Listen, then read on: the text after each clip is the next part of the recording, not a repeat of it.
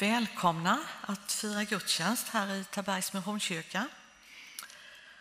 Det är gott att vi får mötas under trygga förhållanden och att Jesus är mitt ibland oss. Jag tänkte när jag satt hemma, det kvittar vilken kväll man sätter sig vid tvn, så visas det det mesta av oro och rädsla kanske. Att vi inte låter oss skrämmas av det, utan att vi får vara tacksamma för att vi ligger, lever i ett tryggt och fritt sammanhang. Vi kommer också att dela nattvarden tillsammans idag. Det är nionde söndagen efter trefaldighet och temat för idag är goda förvaltare. I dagens gudstjänst så medverkar Jan-Olof Elg. Jätteroligt att du är här och sjunger. Det är ju Karl Johans bror, för er som inte vet det. Karl Johan kommer att predika. Karl Johan Elg. Ingrid Gabrielsson är organist och pianist. Och vi får en hälsning från Malmbergs missionsförsamling av Börje Gustafsson. Och jag själv heter Eva Berntsson som leder dagens gudstjänst. Efter gudstjänsten så är ni alla välkomna på kyrkkaffe. Och ikväll får ni ju inte missa. Ikväll klockan 18 så är det Solgårdskväll med musikcafé och då är det Gubbröra som sjunger och spelar. Och de sjunger allt ifrån psalm till slager. Gruppen hör ju hemma i Angersästra, inte så långt härifrån. Och så är det också fika såklart. Ljudtekniker är Thomas Zetterman och Jan Timason. Lite pålysning här för veckan. I eh, morgon så börjar tonårsläget på Bödagården på Öland. Så det får vi ha med oss i våra böner under veckan, att de får ett gott läger. Det är också läger på Gullbrannagården. På torsdag är det andakt på Fridhäll 14.30. Och nästa lördag så är det helgmålsbön i hembygdsparken och Svenska kyrkan ansvara. Det är klockan sex. Nästa söndag möts vi igen till gudstjänst och då är det Bruno Frandell som kommer att predika. Jag vill också pålysa församlingsdagen som är den 26 augusti att ni inte glömmer bort att anmäla er om ni inte redan har gjort det. En liten strof ifrån en kör så här i början. Gud, du är här, i detta rum finns också du. Fast vi inte ser dig eller hör dig så är du här just nu. Så sjunger vi tillsammans psalm nummer sju, Lova Herren sol och måne. Och det är en stjärna framför den, så då står vi upp.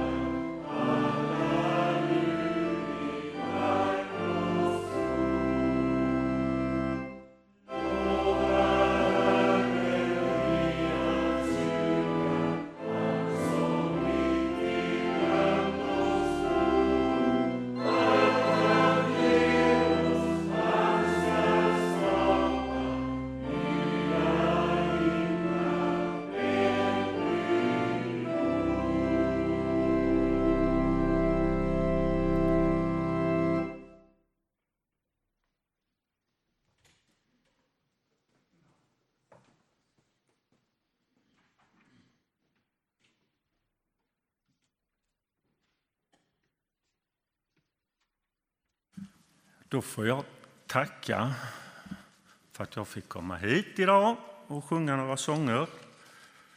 Det är ju roligt när Karl-Johan är med mig. Det är ju min storebror. Mm.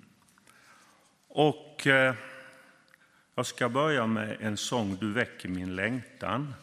Se hur morgonen slösat med glittrande dagg. Och det kommer ju tillbaka lite nu detta när vi får vårt regn som vi har väntat på, det här lite vårliga och det börjar grönska igen. Det är ju rätt fantastiskt hur naturen kan repa sig. Du väcker min längtan.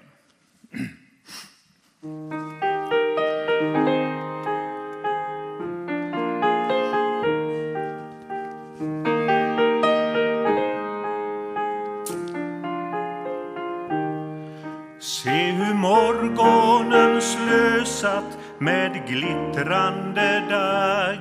Över yrvaken grönska igen. Och hur solen förgyller med renaste guld. Varje blad, varje gren, varje strå. Se hur knoppar som vilade sömnigt igår börja sprängas av lust och av liv.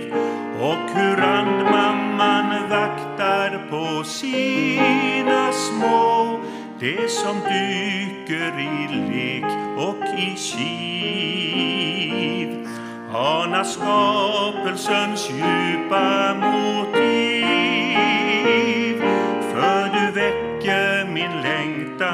med skapelsens skönhet. En skönhet som uppfyller hela min själ. Och du stämmer mitt inre med jublande lovsång. En lovsång till dig Gud som gjort allting väl.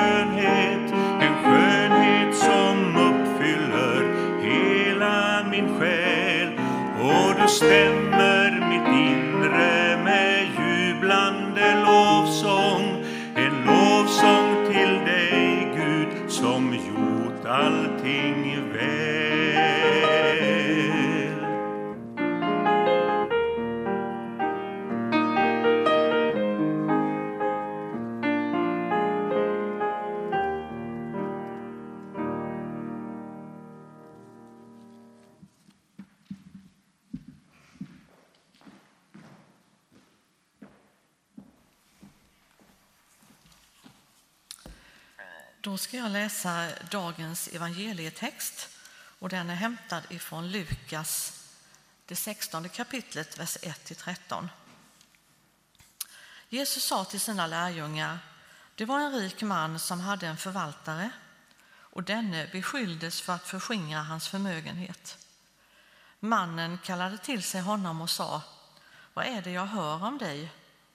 Lämna in dina räkenskaper du kan inte vara kvar som förvaltare. Förvaltaren tänkte, vad ska jag göra nu när min herre avskedar mig? Gräva orkar jag inte, tigga skäms jag för.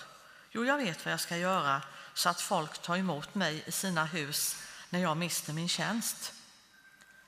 Han skickade efter dem som var skuldsatta hos hans herre, en i sänder, och frågade den förste hur mycket han var skyldig. Hundra krus olja, svarade mannen. Då sa han, här är ditt skuldebrev. Sätt dig genast ner och skriv 50. Sedan frågade han näste man, och du har mycket, och du, hur mycket är du skyldig? Hundra tunnor vete. Då sa han, här är ditt skuldebrev, skriv 80. Och Herren berömde den ohederlige förvaltaren för att han hade handlat klokt. Denna världens människor beter sig klokare mot sina egna än ljusets människor gör. Ja, jag säger er, använd den ohederliga mammon till att skaffa er vänner som tar emot er i evighetens hyddor när mammon lämnar er i sticket. Den som är trogen i smått är trogen också i stort och den som är ohederlig i smått är ohederlig i stort. Om, du inte har varit trogna, om ni inte har varit trogna i fråga om den ohederliga mammon, vem vill då anförtro er det som har verkligt värde? Och om ni inte har varit trogna i fråga om andras egendom, vem vill då ge er det som ska tillhöra er? Ingen tjänare kan tjäna två herrar. Antingen kommer han att hata den ene och älska den andra eller hålla fast vid den ene och inte bry sig om den andra. Ni kan inte tjäna både Gud och mammon. Låt oss be.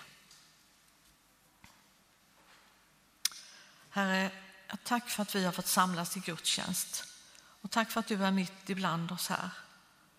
Och Jesus, tack för att vi får ha ett öppet sinne så att vi vill få mer av dig och vill ta emot det du har att ge oss idag.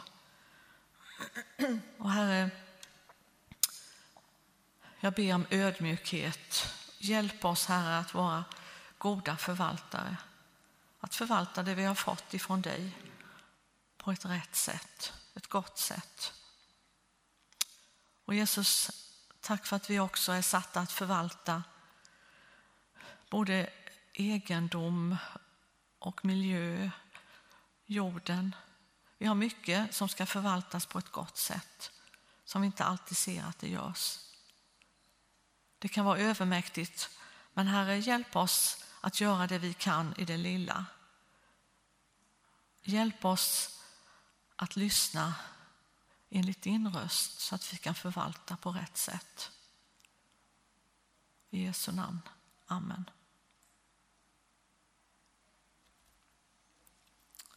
Får vi en sång till.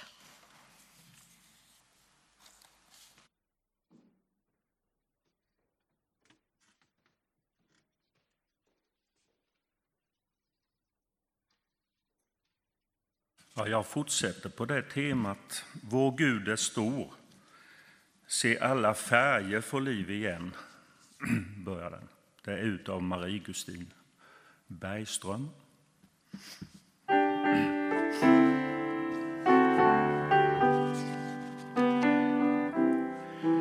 Se alla färger få liv igen. Snart tecknas bilden av sommaren. Hur små nyanser av åligt grönt vill måla livet så skönt.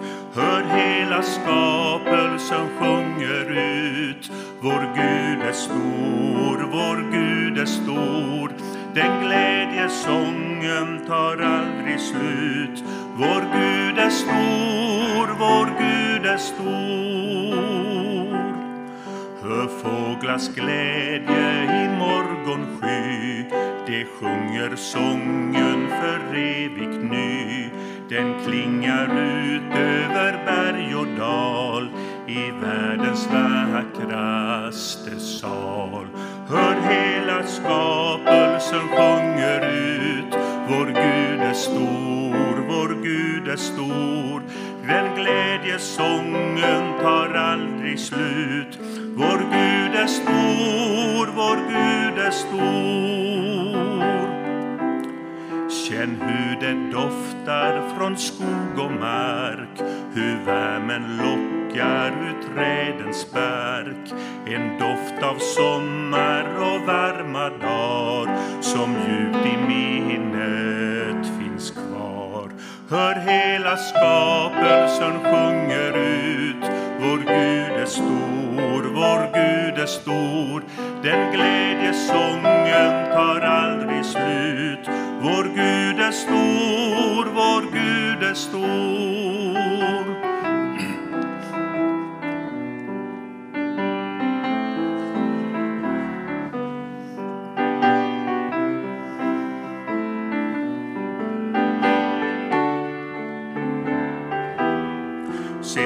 Stormen piska mot strand och hav. Hur åskan mullrar i trädens sal. Det sträcker grenar mot himmelen.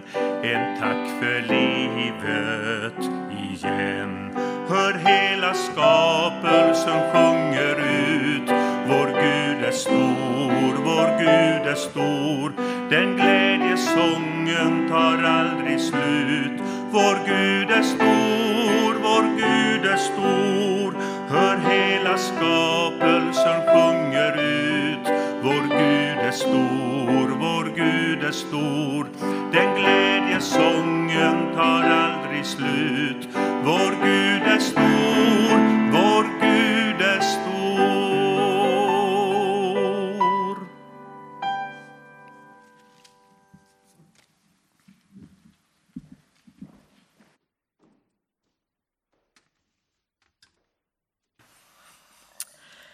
innan predikan nu så ska vi sjunga psalm 96, Öppna mig för din kärlek. Och under tiden så har du möjlighet att lämna en gåva till församlingen. Antingen via Swish som kommer upp på skärmen eller kontant vid utgången efter gudstjänsten.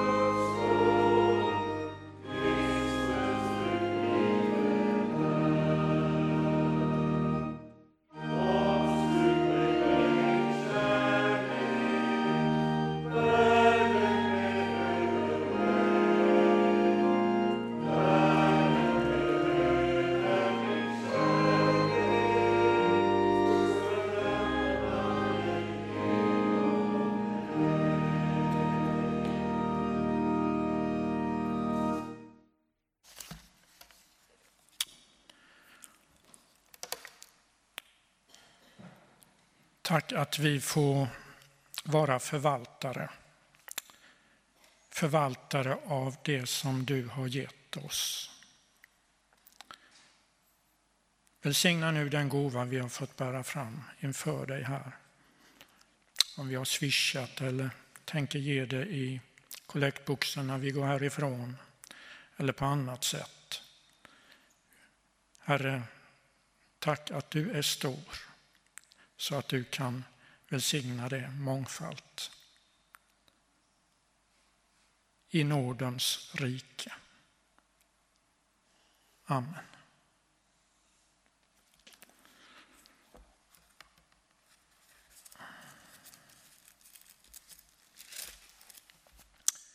Ja, det var jätteroligt att komma till Taberg. Vi gör ju det numera, Eva och jag, när vi flyttade till min hembygds Svänarum så flyttade Jan-Olof därifrån ungefär samtidigt.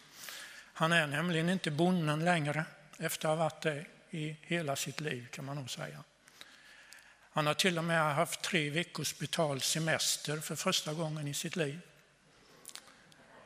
Och är fast anställd nere på Vagrysell. Det gör väl inget att jag säger. Och han tycker knappast att det är något jobb. Så är det när man jämför med att vara bonde kanske. Eh, så så är det med det. Ja.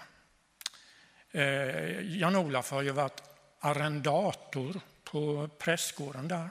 Tog över efter min pappa som kom dit 1943 och hittade sin fru i, i grannskapet där. Och sen fick de fem barn. Jag är inte jag är Jan-Olofs storebror, men jag har, jag har också en storebror som heter Bent Ivan. Vi har dubbelnamn allihop. Det är Bent Ivan, Karl-Johan, Anna-Karin, Hans-Peter och Jan-Olof. Och vår mamma heter Anna-Lisa och vår pappa heter Ivan. Men de finns inte längre. Eh, här talas det inte om arrendator i dagens text utan det talas ju om förvaltare. Och det är inte riktigt samma sak. Och vi har ju lyssnat till eh, dagens predikotext då ifrån Lukas, det 16 kapitlet. Och jag rekommenderar er gärna att slå upp den texten i psalmer och sånger på sidan 1639 om ni vill följa med. Eh, det är ju liknelseevangelisten framför alla andra, Lukas, som tas med i den här eh, berättelsen.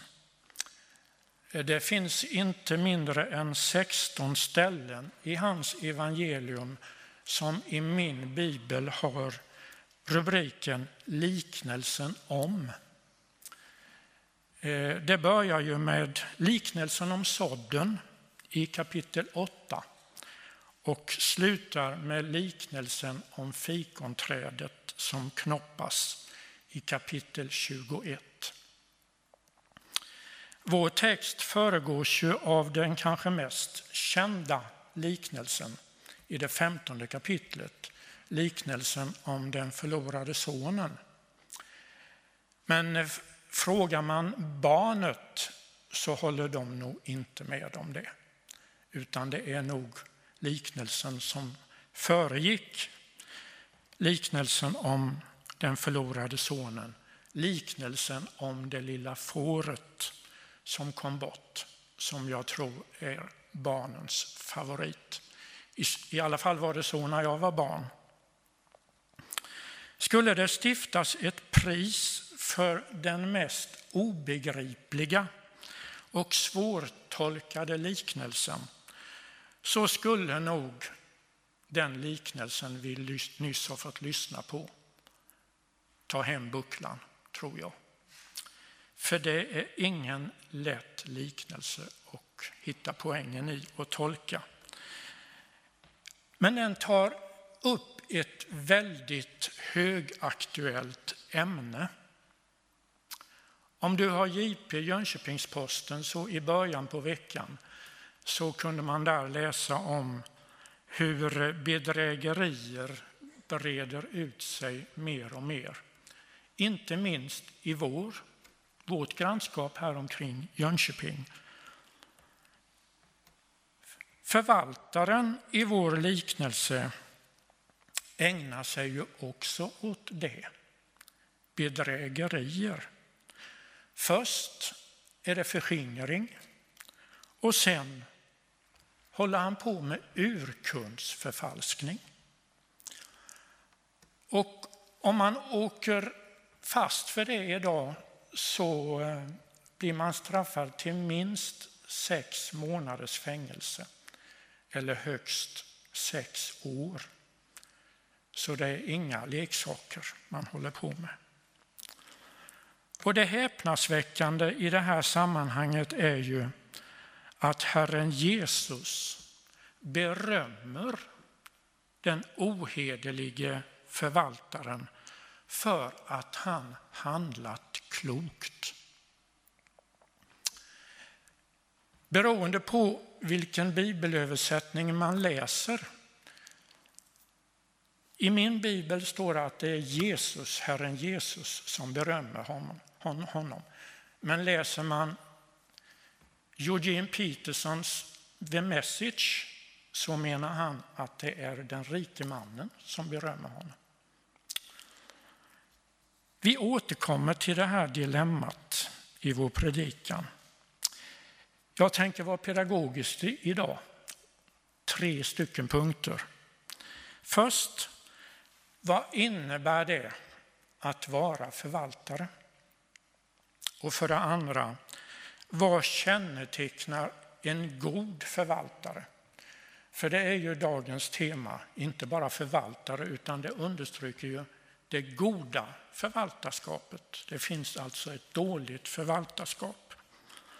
Och för det tredje, hur utmanar bibelordet om gott förvaltarskap dig och mig idag? Vad innebär det att vara förvaltare? Ja, det är ju en yrkestitel som används i olika konstellationer idag.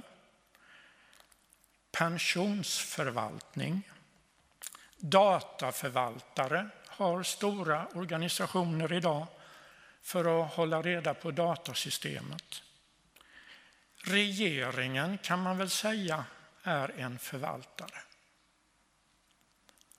En god man för en människa som inte själv orkar med eller kan på grund av kanske psykisk ohälsa sköta sin ekonomi är också en typ av förvaltare. Det vill säga, man har ansvar att sköta en annans egendom och se till att det verkligen gynnar den organisationen eller den personen. Inte gynnar en själv. Nu kan det ju hända att i ett avtal här där man har gått med på att vara förvaltare åt någon, att det innebär att man får provision. Ju bättre det går, desto mer får jag också som förvaltare. I vår text handlar ju förvaltarskapet om att förvalta en rik mans egendom. Och förmodligen är det en jordbruksegendom. För här talas om olja och det talas om vete med mera. Och eh, man kan tänka sig att ett sånt här förvaltarskap för en större jordegendom det innebar mycket administrativa uppgifter och också mycket personalansvar. För inte så länge sedan så fanns det här i Taberg en som hette Rättaren på gården här uppe, laggården. Gunnar Rättare tillhörde vår församling. Han dog för några år sedan. Han kallades för Gunnar Rättare för han var son till rättaren här. Och eh, jag tror att vi är ganska nära betydelsen av vad en förvaltare på Bibelns tid var och vad Gunnars pappa en gång var. Det handlar om att ha ansvar för godsets skötsel, djuren, bokföringen, de anställda och att man var skyldig att avlägga räkenskapsrapport med jämna mellanrum, mellanrum till ägaren. Sen fanns det ju förvaltare även i andra sammanhang. Vi lever ju i eh, järnbrukets eh, område här. Det fanns väldigt mycket järnbruk runt omkring Lomsjö, Marieholm, nere i Höle. Stora gods där det omfattade väldigt mycket ett förvaltarskap. Man hade hand om kogubben, man hade hand om grisarna, man hade hand om körslorna, man hade hand om eh, smederna Och då fanns det en förvaltare och jag har läst om att en förvaltare på de här godsen, han var bland de första som steg upp på morgonen och bland de sista som la sig på kvällen. Och man såg ofta i, i hans kontor att lyset brann på kvällarna. Och han eller hon stod ofta vid sin pulpet och skrev in vad som hade hänt. Men den mest kände eller förvaltaren i Bibeln Tänk efter. Vem tänker vi på då? Absolut, Ingrid. Josef. Så har jag tänkt med. Kanske du tänkte med eller kom på någon annan. Det kan ju hända. Men Josef är ju en, jag, jag tror den största förvaltaren. För han, han blev statsminister i Egypten.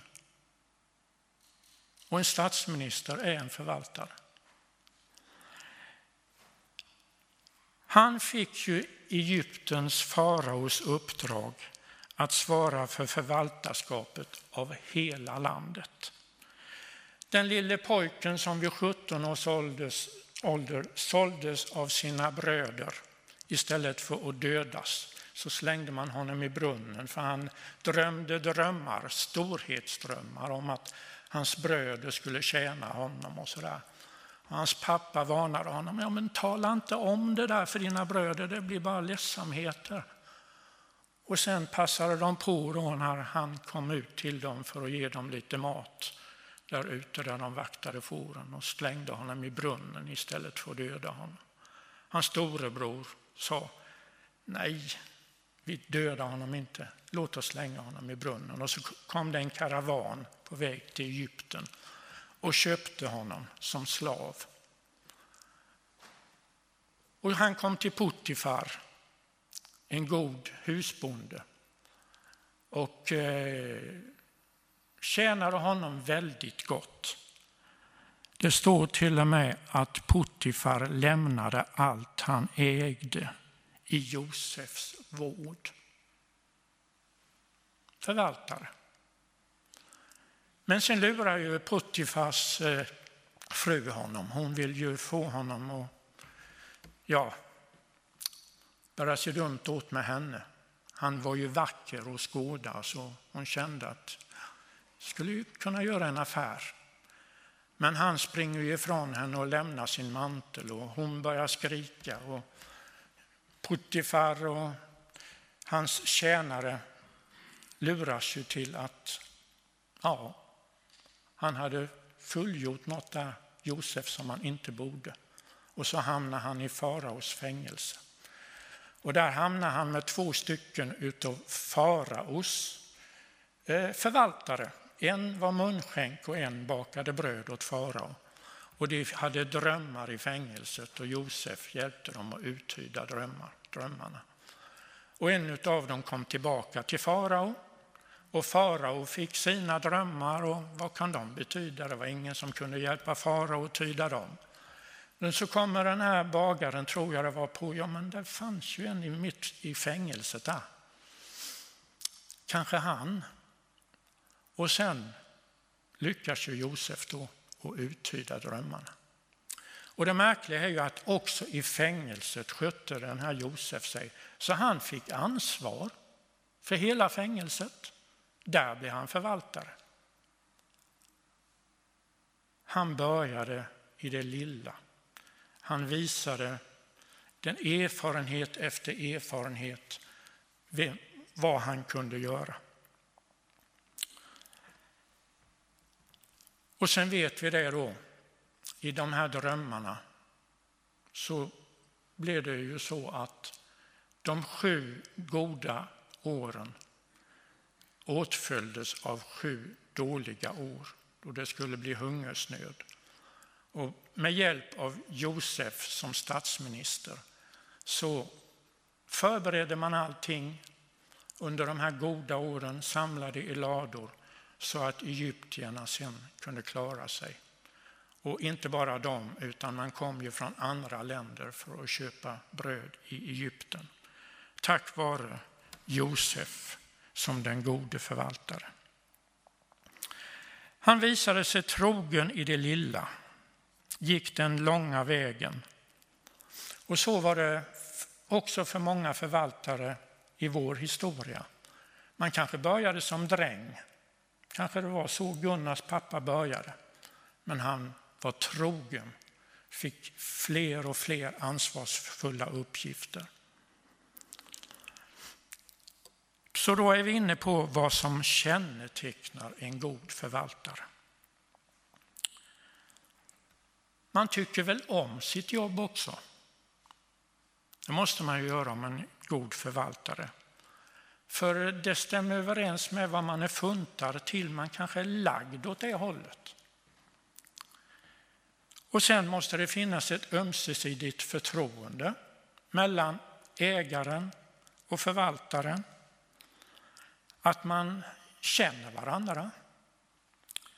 Man känner varandras önskemål, positiva saker och negativa saker. En förvaltare måste ju också veta sin plats. Man är inte ägaren. Man är tjänare. Och en förvaltare måste vara ärlig, inte korrupt och rättvis, inte minst om man har med personal att göra. Och en förvaltare tjänar långsiktigt. Man är inte som så mycket idag för de här snabba klippen. Utan man är även beredd på att det kan vara motgångar ibland och då gäller det att hålla ut. Och samla i lador kanske. Man sticker inte vid första motgång när man är trogen sitt förvaltarskap. Ja, det var några punkter som kännetecknar en god förvaltare. Och så slutligen då, hur utmanar bibelordet om gott förvaltarskap oss idag? Och då vill jag läsa en annan av dagens texter, den första årgångens episteltext ifrån första Petrusbrevets fjärde kapitel med början på den tionde versen där. Tjäna varandra var och en med den nådegåva han har fått som goda förvaltare av Guds nåd i dess många former. Guds nåd det kan också översättas med Guds generösa omtanke. Tänk att få vara förvaltare av Guds nåd, Guds generösa omtanke i sitt liv. Det tar väl tag i en. Är det inte något vi alla skulle vilja vara? I Bibelns mening är vi ju alla förvaltare. Det framgår tydligt redan i skapelseberättelsen då människan får i uppdrag att råda över skapelsen. Och har vi lyckats med det? Ja, det räcker ju med att, liksom Eva sa här, titta på tv-nyheterna för att förstå att eh, vi får nog inga bucklor det blir nog inte så mycket på kreditsidan vad det gäller det. 27 juli hade vi ju Earth Overshot Day. Dagen då vi använt alla jordens resurser för hela året. Och därefter är all ytterligare konsumtion överkonsumtion. Och skulle alla leva som vi gör i Sverige idag så skulle vi Overshot Day infalla 3 april. gott förvaltarskap. Jag ska inte orda mer om det. Det räcker. Jag tror vi lever i den här våndan varje dag när vi tittar på nyheterna. Men nu vill jag tala om det inre förvaltarskapet. Där varje människa får pröva sig inför sin skapare. Jag håller på att läsa Harry Sjömans böcker. Det är ju lokalhistoria. Eh, Harry Sjöman han föddes i Stigamo 1900 och dog 88 år gammal. Och när han var 77 år gammal så skrev han boken Att låna bröd. Det är en av över 30 böcker som han åstadkom, den här journalisten och sedermera redaktören på Värnamo-tidningen, tror jag det var. Han föddes under fattiga förhållanden. Och det här att låna bröd det är egentligen en berättelse om hans liv.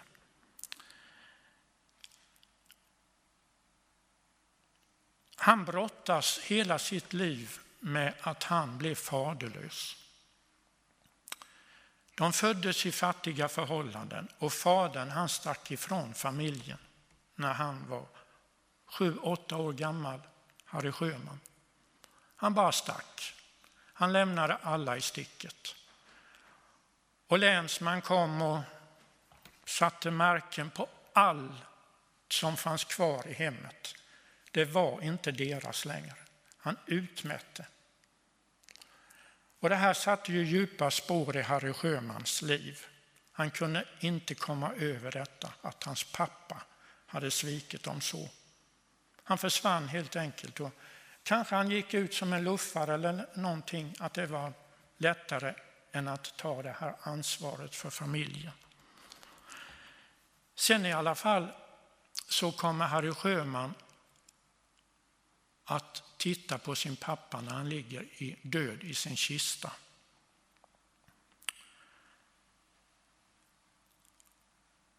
Och då på något sätt slås han av. Han börjar titta på sig själv. Vem är jag att döma? Och han blir ödmjuk där. och konstaterar, ja men jag har ju också misslyckats i mitt liv. Precis som min pappa fick göra. Jag rekommenderar er att läsa Att låna bröd och också andra böcker av Harry Sjöman.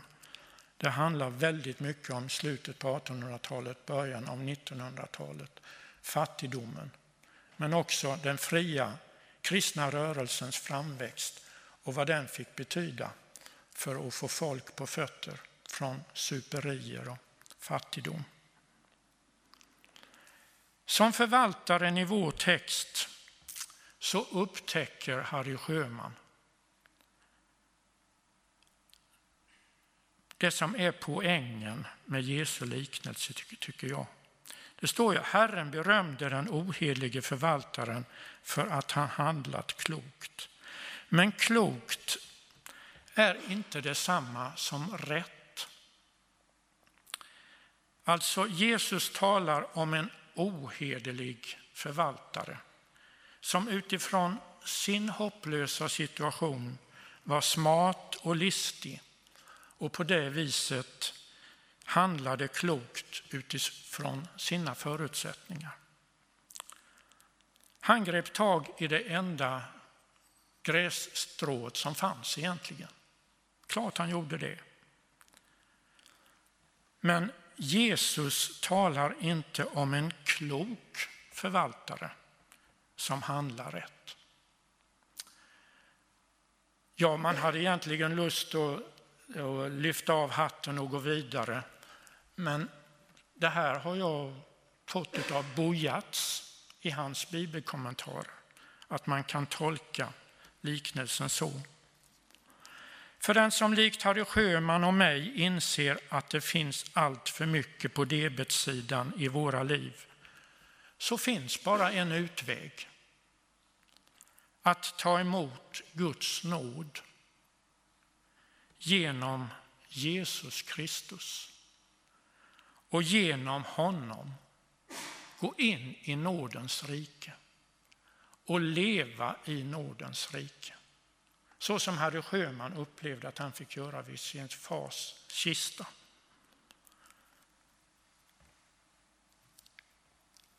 Nu vill jag avsluta min predikan med att vi sjunger en sång snart. Och den får vara en del av predikan. Det jag inte lyckas formulera, det hoppas jag att Anders Frostenson i sin översättning av sången 695 kan hjälpa oss med när det gäller hur vi själva kan bli Guds nåds rikes förvaltare idag.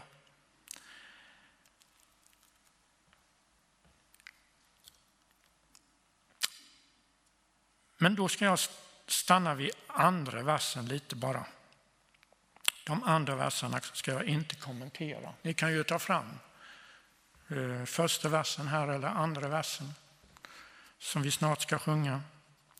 Den, den heter, eh, den handlar om, om att ge. Den sången.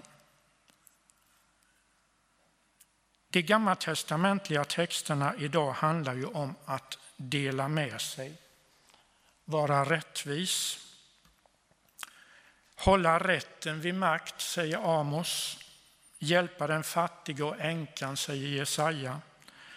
Och här tangerar vi sista delen av evangelietexten som ju handlar om mammon, egendomen, pengarna, tillgångarna.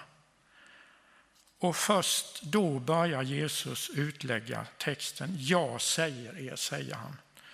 Och Jesus menar att ljusets barn, som vi väl alla vill tillhöra, skulle använda sina tillgångar lika klokt och smart som denna världens barn gör utifrån sina begär och själviska motiv. Och då blir liknelsens poäng att man kan använda den ohederlige mammon så att pengarna kan bli till välsignelse.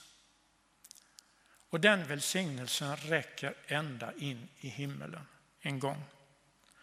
Att dela med sig frikostigt, att hjälpa andra. Vi kan ge, står det i andra versen och skörd som vi ej ser en gång det ger. För Jesus finns bland oss idag. Jesus finns bland oss idag. I Nordens rike. Amen. Vi sjunger den sången och sedan går vi över till vårt nattvardsfirande.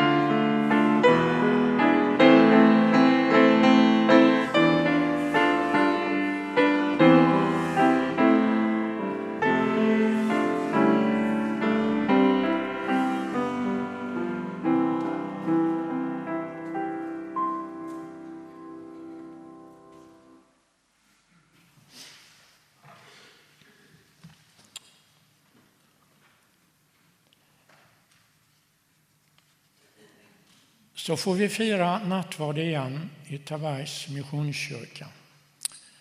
Och eh, praktiskt, det kan kännas tryggt att eh, berätta om det, så går det till så att vi, får, vi kommer mittgången fram allihop och här är en station vid den sidan och där är en station. Så där blir det bröd och vin och vid den stationen blir det bröd och vin. Och vi praktiserar, praktiserar ju särkalkar numera där var och en får ta en sån här liten bägare med vinet. Och sen har vi oblater som brödet. Under tiden vi firar nattvarden så kommer vi att sjunga tillsammans. Jan-Olof har också en sång som han kommer att sjunga. Och eh, så ges det tillfälle också att gå och tända ett eh, böneljus vid ljusbäraren och där finns också lappar där man kan skriva ett böneämne och lägga i en korg. Och eh, viker man inte den lappen så eh, läser man inte upp bönämnet och viker, viker, man, viker man lappen så läser man inte upp det. Men låter man lappen vara ovikt så läser vi upp den i slutet av vår gudstjänst. Så är det. Vi känner oss trygga i detta. Till nattvarden kommer vi inte för att vi måste utan för att vi får. Inte för att vi är felfria utan för att vi är älskade. Inte för att vi är färdiga utan för att vi är sökare. Vi kommer för att vi behöver gemenskapen också med varandra och framför allt med Gud. Livets Gud, du är nära som luften vi andas, som brödet vi delar, som vinet vi smakar. Tack för Jesus som genom hela sitt liv in i döden och uppståndelsen visar sin kärlek till oss. Så lyssnar vi till instiftelseorden ifrån Första Korinthierbrevets elfte kapitel. Den natten då Herren Jesus blev förrådd tog han ett bröd, tackade Gud, bröt det och sa Detta är min kropp som offras för er. Gör det till minne av mig. Likaså tog han bägaren efter måltiden och sa denna bägare är det nya förbundet genom mitt blod. Var gång ni dricker av den, gör det till minne av mig. Detta är trons mysterium. Gud, rör vid oss och detta bröd och vin med din helige Ande. Och tillsammans med hela kyrkan i världen så får vi be bönen Vår Fader tillsammans. Och i den bönen bekänna våra synder. Vår Fader, du som är i himlen. Låt ditt namn bli helgat. Låt ditt rike komma. Låt din vilja ske på jorden så som i himlen. Ge oss idag vårt bröd för dagen som kommer och förlåt oss våra skulder liksom vi har förlåtit dem som står i skuld till oss. Och utsätt oss inte för prövning utan rädda oss från det onda. Ditt är riket, din är makten och äran i evighet. Amen.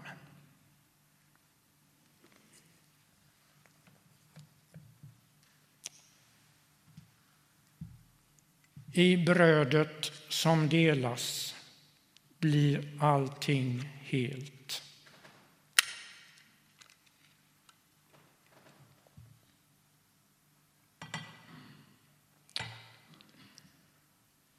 I vinet vi dricker blir allting liv.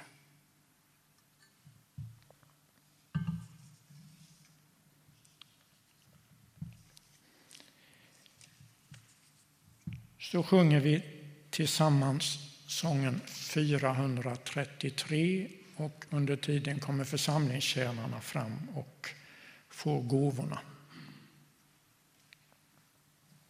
Här är evangelium.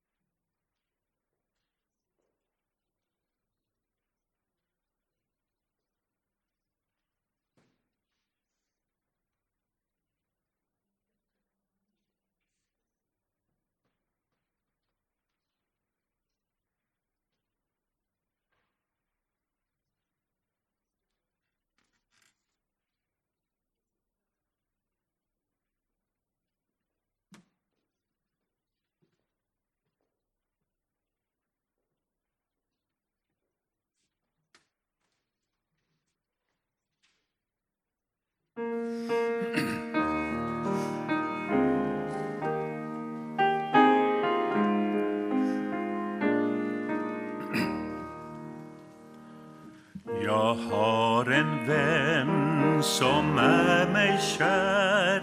Mitt i min vardag är han där. Han ger mig kärlek, hopp och tro och fyller dagen med sin ro. Jag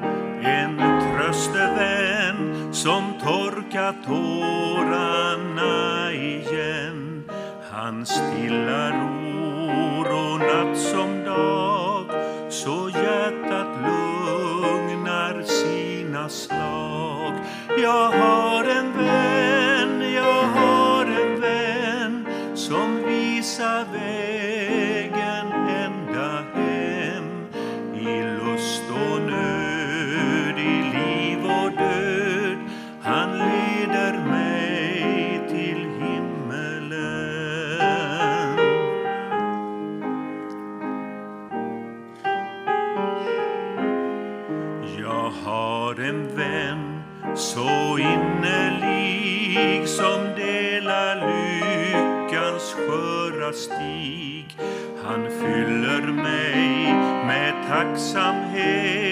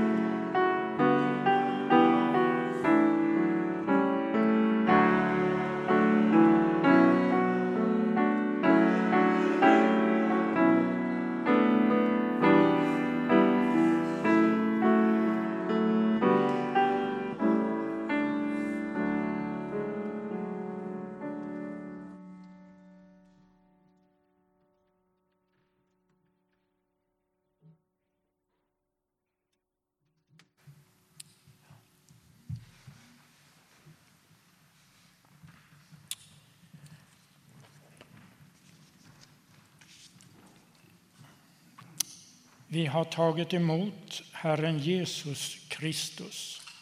Lev då i honom och tjäna honom med glädje. Han ska bevara oss till evigt liv. Varsågod Eva.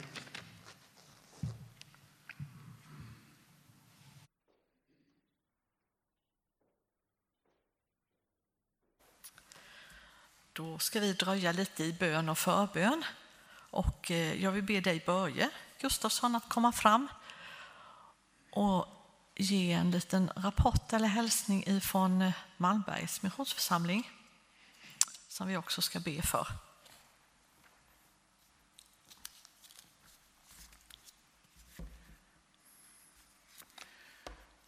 Då vill jag ge en liten hälsning från församlingen i Malmberget som numera håller till i Gällivare. I år firar denna församling 130 år sedan den bildades. Och det kommer att på något sätt högtidlighållas nu i slutet på denna månad när Göran Undervall kör en ny bönetågsresa uppåt norra Sverige, Övre Sopporo bland annat. Då kommer det att firas en gudstjänst i Gällivare där detta ska högtidligt hållas. Under sommarmånaderna där uppe så är det ganska låg aktivitet i församlingen. Det är ju semestrar och det ena med det andra. Och, men den här veckan som kommer nu så åker ett antal scouter på scoutläger med sina ledare.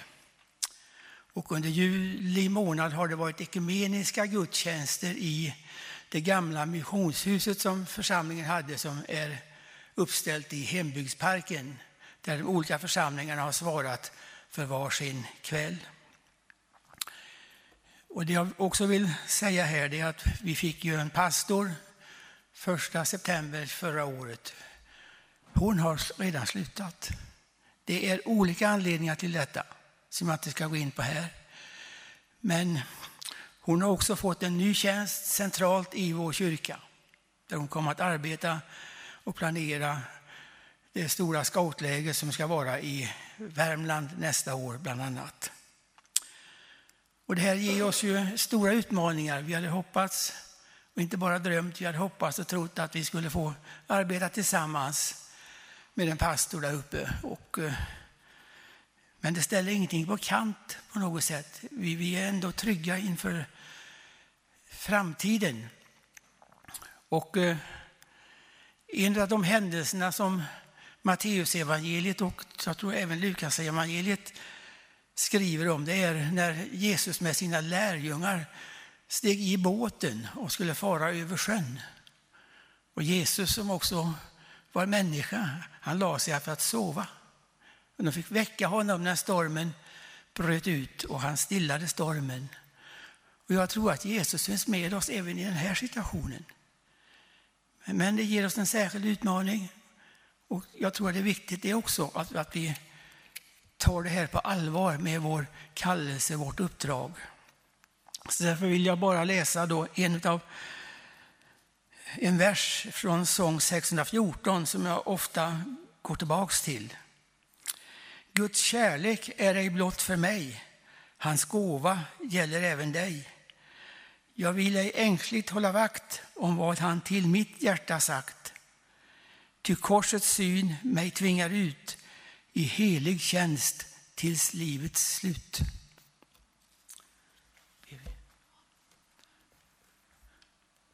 Tack Jesus Kristus för att du alltid finns nära oss. Du lämnar oss inte i sticket. Tack Herre för den trygghet du ger oss. Men tack också för utmaningar som vi får att tjäna dig med de gåvor som du har lagt ned i oss för att förhärliga ditt namn och förverkliga din vilja. Tack Herre att vi på särskilt sätt får be för församlingen i Malmberget.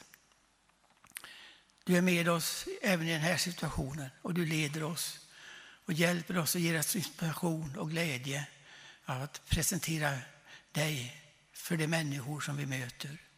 Tack Herre Jesus Kristus för att du inte lämnar oss. Jag vill också be för denna församling här, Tabergs missionsförsamling. Be för ledning och styrelse och pastorer. Tack Jesus Kristus för att du går med oss. Vi får vara trygga inför detta, men vi får också ha vår blick fäst på dig och ta emot vad du vill ge till oss. Inspiration, ledning och hjälp. Amen.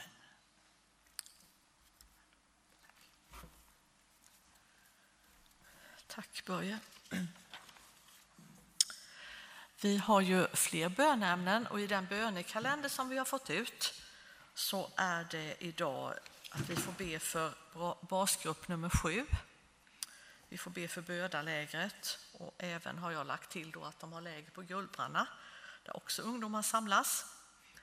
Eh, och logistikföretagen här i bygden. Och Malmbergets missionsförsamling som också är vår vänförsamling. Ju.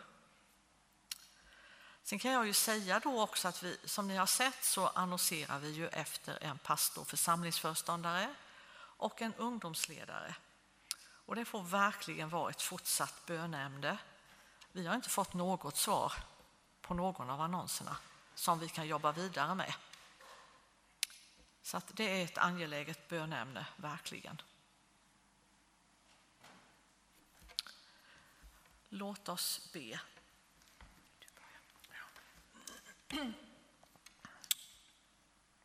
Tackar du, Herre, se vad som finns bakom ljusen som brinner här. Vi lägger det fram inför dig. Det kanske är mycket tack bakom de här ljusen. Vi har ju så mycket att tacka för. Men det finns säkert också mycket nöd, kanske besvikelse, längtan och längtan efter att du ska förvandla situationer. Tack att vi får lämna detta åt dig. Du som går med oss.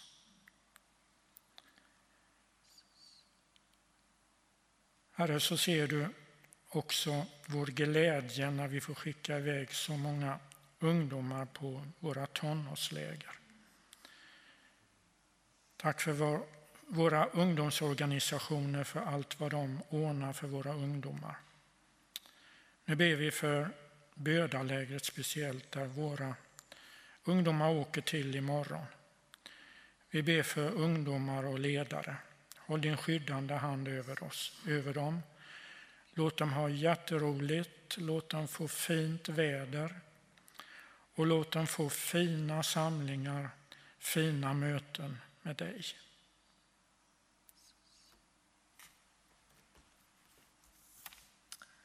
Herre, så ber vi också för basgrupp nummer sju. Du vet vilka som är med i den basgruppen. Tack Herre för att de på olika sätt får tjäna med uppgifter här i kyrkan. Men vi ber också om omsorg för de här personerna. Att de får uppleva att du är nära dem och att du kan möta med de behov som finns.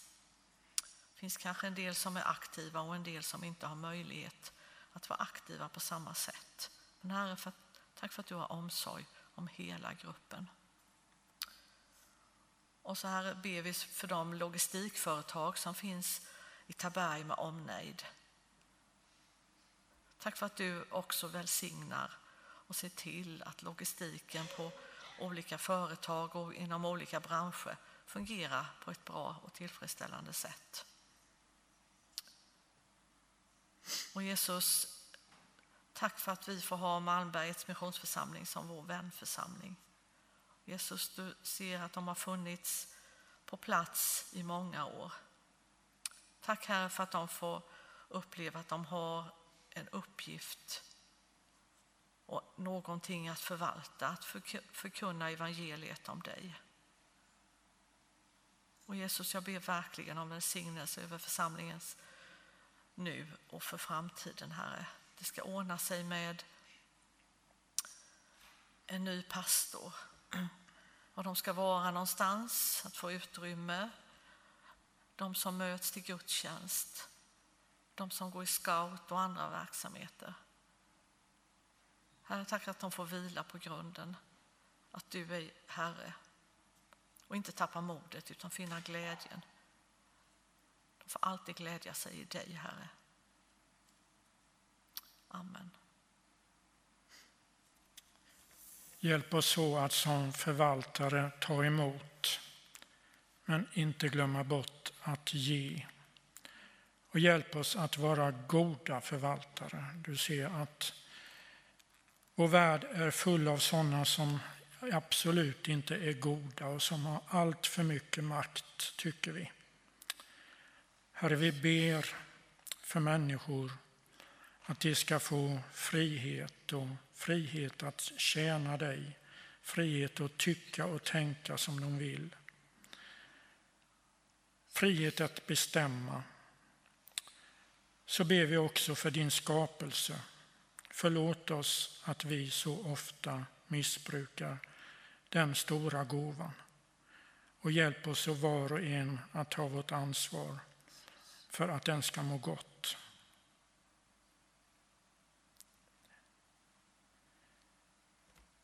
Så vill jag be Herrens välsignelse över oss alla. Herren välsigne er och bevare er. Herren låter sitt ansikte lysa över er och vare er nådig.